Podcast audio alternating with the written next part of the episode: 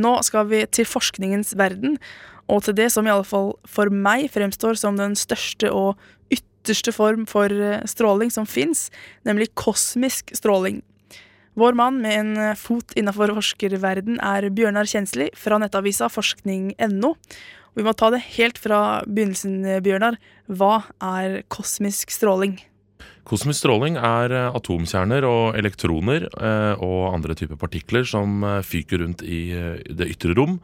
De har meget høy energi. altså De går veldig fort. Det er noen av de som går i, omtrent lysets hastighet. En del av disse partiklene kommer fra sola, så det kaller man da for solar kosmisk stråling. Så De kommer da fra sånne kjempeeksplosjoner på sola som man kan se innimellom når man ser solflekker og, og sånne ja, store eksplosjoner på sola. Og så er det den galaktiske kosmiske strålinga som kommer fra ikke fra sola, altså fra utafor vårt solsystem, eh, som kommer fra da andre stjerner eller andre sånne supernova-eksplosjoner og, svære eksplosjoner ute i rommet. Da. Så da, disse eksplosjonene sender da fra seg bitte, bitte små partikler, altså bare enkeltatomer og, og andre partikler, i vanvittig høy hastighet, og de er elektrisk ladd, og det er da eh, kosmisk stråling. Så det er egentlig mange forskjellige i én, eller? Forstår jeg det eh, riktig nå? Nei, altså de partiklene fyker på en måte hver for seg. Eh, så det er forskjellige typer partikler ja, eh, som fyker med enorm hastighet. Og veldig få av de treffer jorda, eh, fordi vi jo, er jo så heldige å ha magnetfelt eh, rundt jorda. Vi har jo atmosfære også, som, er, eh, som også på en måte er, som er ladd. da. Og da, så er, De aller fleste av de bøyes jo vekk fra jorda. Men de fyker ned på oss nå også. Så vi sitter her og blir kosmisk stråla nå, men veldig svakt. da. Både fordi at vi blir jo bare stråla fra én side, fordi vi de andre går inn i jorda, på en måte. Eh, de som kommer fra andre siden av jorda. Eh, og også pga. atmosfæren. Da. Så vi er ganske skåna for det her på jorda. Men eh, å reise ut i rommet er jo en annen historie. Da begynner det å bli vanskelig. Men øh, har de noen funksjon? Nei. Det er bare Det har ikke noen funksjon. Det er et resultat av svære eksplosjoner og hendelser i rommet. Så det er de bitte små partikler som Altså, i rommet er det jo ikke Det er jo ikke stort å stoppe i når ting først begynner å fyke. Så dette her kan komme fra, fra enormt lang tid tilbake. Man regner med at noe kosmisk stråling eh, stammer fra, fra, mange mange milliarder år tilbake. liksom. Så det kommer fra en eller annen enorm eksplosjon som hendte for milliarder år tilbake, og så fyker det i rommet. Og sånn er det. Så det er ikke noe det er ikke noe grunn. Altså det, det brukes, rommet bruker det ikke til noe, på en måte. Og det, det lager ikke noe, eller, eh, så, som vi veit om, da. Det, det, kan jo hende, men eh, så vidt har man, man skjønner ikke så veldig mye av kosmisk stråling, egentlig. Så det blir på en måte, hvis jeg ja, sparker i, på en stein på grusveien, så blir det jo liksom støv sånn ut av det.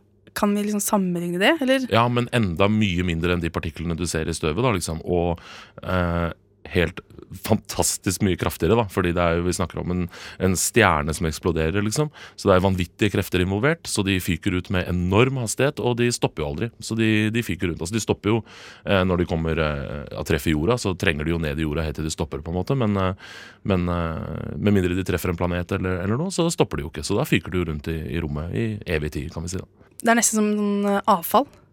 Ja, kan brukes som det. Det er jo også en slags vind. Så det fins jo eh, Altså den strålingen som kommer fra sola, solpartikler, eh, det har man jo tenkt at man kan bruke til, eh, til å komme seg framover i rommet med svære sånne solseil. Er det noen som har lagd sånne skisser på, på, romfartøy som kan på en måte gå på den solvinden? Den er jo fryktelig svak, men fordi det heller ikke er noen motstand i rommet, så tenker man seg at det kan kanskje brukes i framtiden til å seile i rommet på et vis. da. Det er tilsynelatende ikke noe å bry oss om, da, denne kosmiske strålinga. Så da blir spørsmålet om det kan være til hinder for vars på noe vis. Det kan det, i hvert fall hvis du er uh, astronaut og jobber for NASA. Hvis du tilfeldigvis er astronaut. Ja, Og jobber for NASA og kommer til å fortsatt jobbe der om 20-30 år når vi skal reise til Mars, så kan det by på problemer. Fordi man uh, Uh, altså Kosmisk stråling er jo her nå på jordoverflaten. Og reiser vi opp i, i uh, altså der hvor uh, internasjonale romstasjonen er, sånn 40 mil opp i, opp i, himmelen, så får vi også litt kosmisk stråling. men fordi det ligger jo i, i liksom, akkurat i yttergrensa av atmosfæren, så beskytter jo magnetfeltet fra jorda og atmosfæren dem. Så, så, de får litt stråling på seg.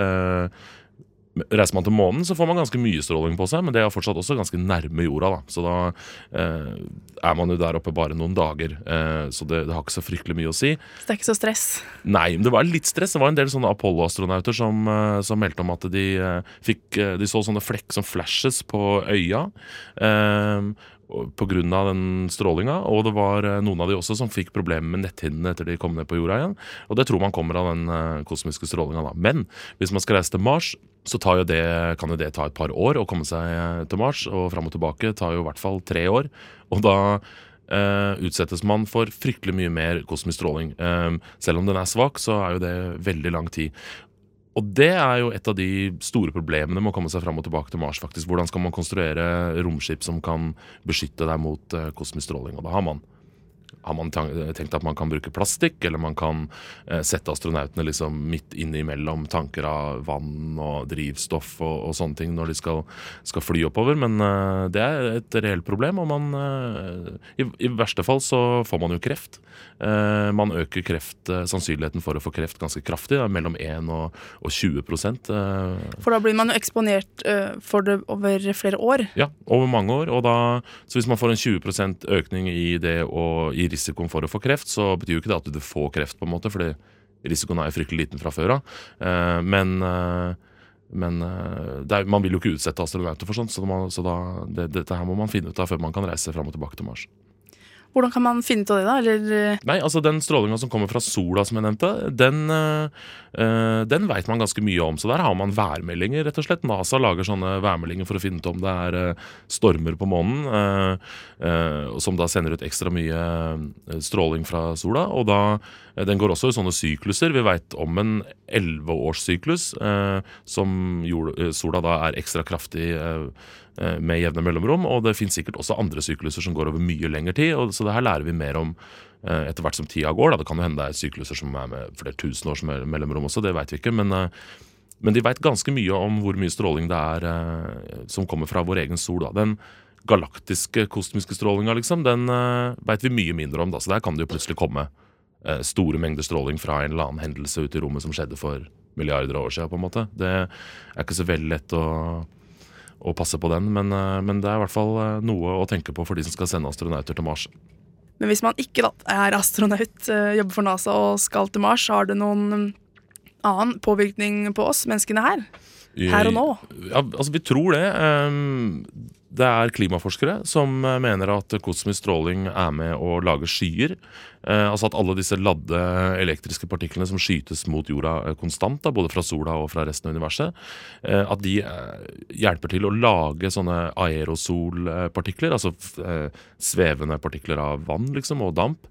Ja, så det disse klimaforskerne tror, er at eh, strålingsaktiviteten som kommer fra verdensrommet, det påvirker skyer. Som igjen da påvirker klimaet ganske kraftig. For det er klart Temperaturen blir jo mye lavere hvis det er masse skyer, og da er sånne temperaturmålinger på jorda ganske lite verdt hvis man ikke regner med da også eh, solaktivitet og, og, strålingsaktivitet, som da forklarer eh, skyer. Og så kan man også, f.eks. denne elleveårssyklusen fra sola, kan man jo da se i sammenheng med var det mer skyer da, var det mindre skyer, eh, og så, så, finner man ut av det også. Så det, det har noe å si for oss på jorda òg, men eh, det veit vi foreløpig veldig lite om. Eh, nå er ikke sol, sånn kosmisk stråling med i noen klimamodeller eller sånn ennå, eh, men det regner man med kommer til å, å, bli en større del av den klimarapporten som kommer ut nå i 2013. da, Så der er sola og, og kosmisk stråling og sånn med i noen av de modellene. Men er det jo uansett for å bli hjelper jo ikke å gå med plakater og si nei til kosmisk stråling. Ja, det er jo ikke så mye vi får gjort med det uansett. Eh, man kan jo gå med plastikklær. Eh, det, da beskytter man seg visst eh, veldig godt mot stråling, men det er ikke så mye å bekymre seg over, tror jeg. Det har jo tross alt vært her i noen tusen år allerede. Jo, men vi dør jo. så det kan hende Så kanskje det er kosmisk stråling sin skyld at vi dør? Ja, ikke sant? Men nei, jeg tror ikke det er noe å bekymre seg over. Det var dagens konklusjon. Tusen takk for besøket, Bjørnar Kjensli fra forskning.no. Bare hyggelig.